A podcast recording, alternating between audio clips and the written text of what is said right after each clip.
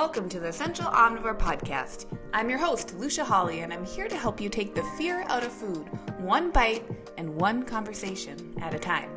From guest interviews to the gooeyest of details about your guts. I hope you'll join me in creating space around the subject of our bodies and just what they might be telling us when we slow down and listen closely.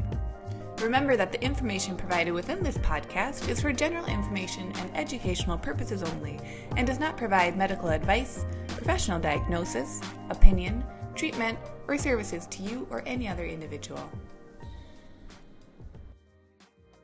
Okay, this is my fourth time recording this podcast because I keep saying stuff and I'm just like, Lucia, shut up.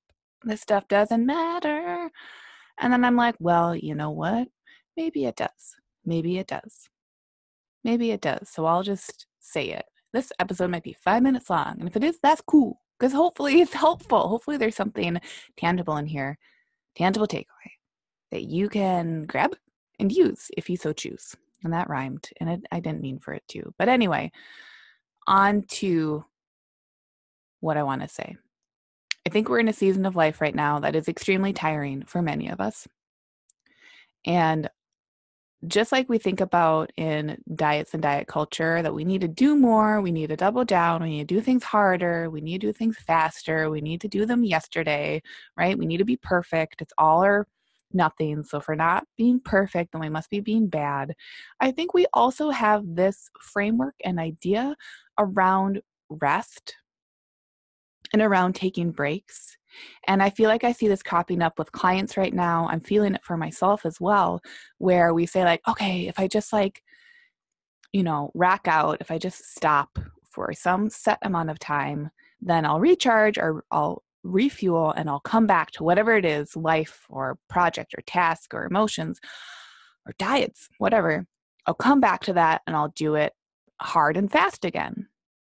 That is keeping us in this mentality of all or nothing, which I find happens so readily, but we maybe don't make as much time to talk about the rest component where in the last few podcast episodes i've really have spoken a lot about habits and building habits and what that looks like. And um, you know spoke with anthony um, that episode i think it was episode 11 was amazing where we talked about how do you build a habit and what it can come back to is building habits that you enjoy. Right? Like if you enjoy a habit that is small enough that you can keep showing up for it on the daily, well, that's your lifestyle right there.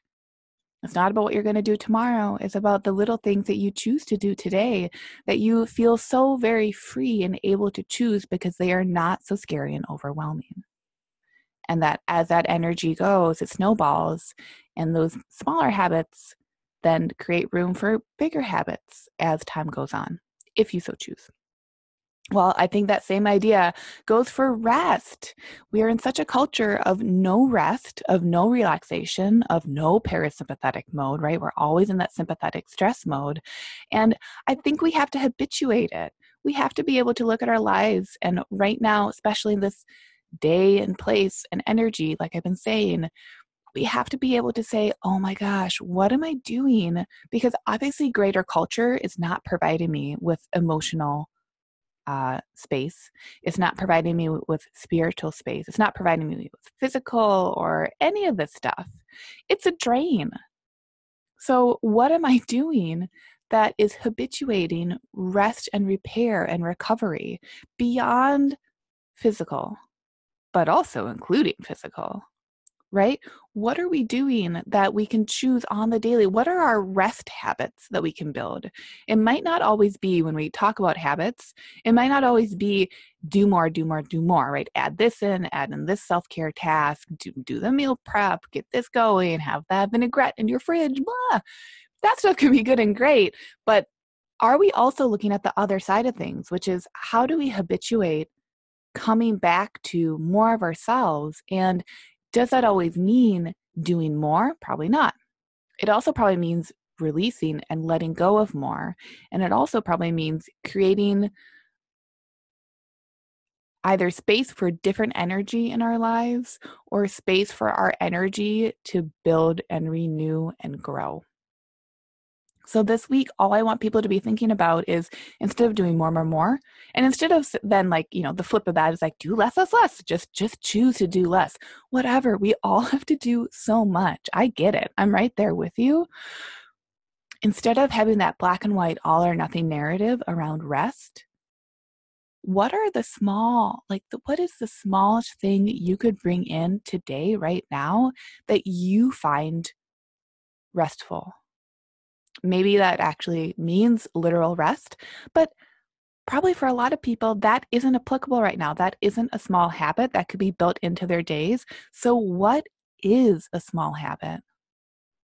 I can provide ideas, but it's going to be really, really individual because what people find restful and peaceful and what brings in that parasympathetic mode is really individual based on how much sympathetic dominance people are in, right? How much of that stress loop people are engaging with and on the hamster wheel of. So, taking 10 deep breaths in general physiologically is going to be signaling to your body that it can be engaging with that parasympathetic mode. If you're breathing deeply, you're probably not running away from a tiger. So hopefully you're not that stressed out.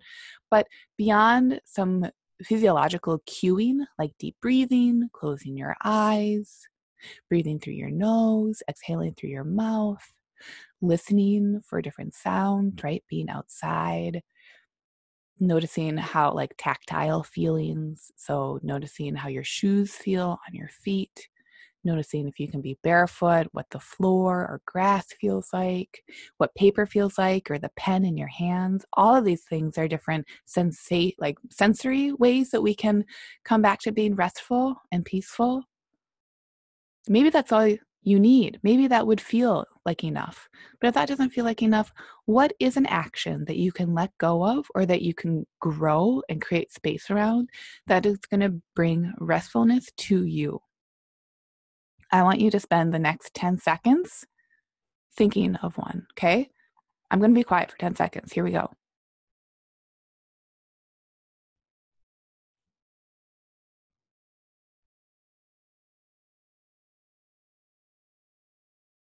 Okay, did you think of one?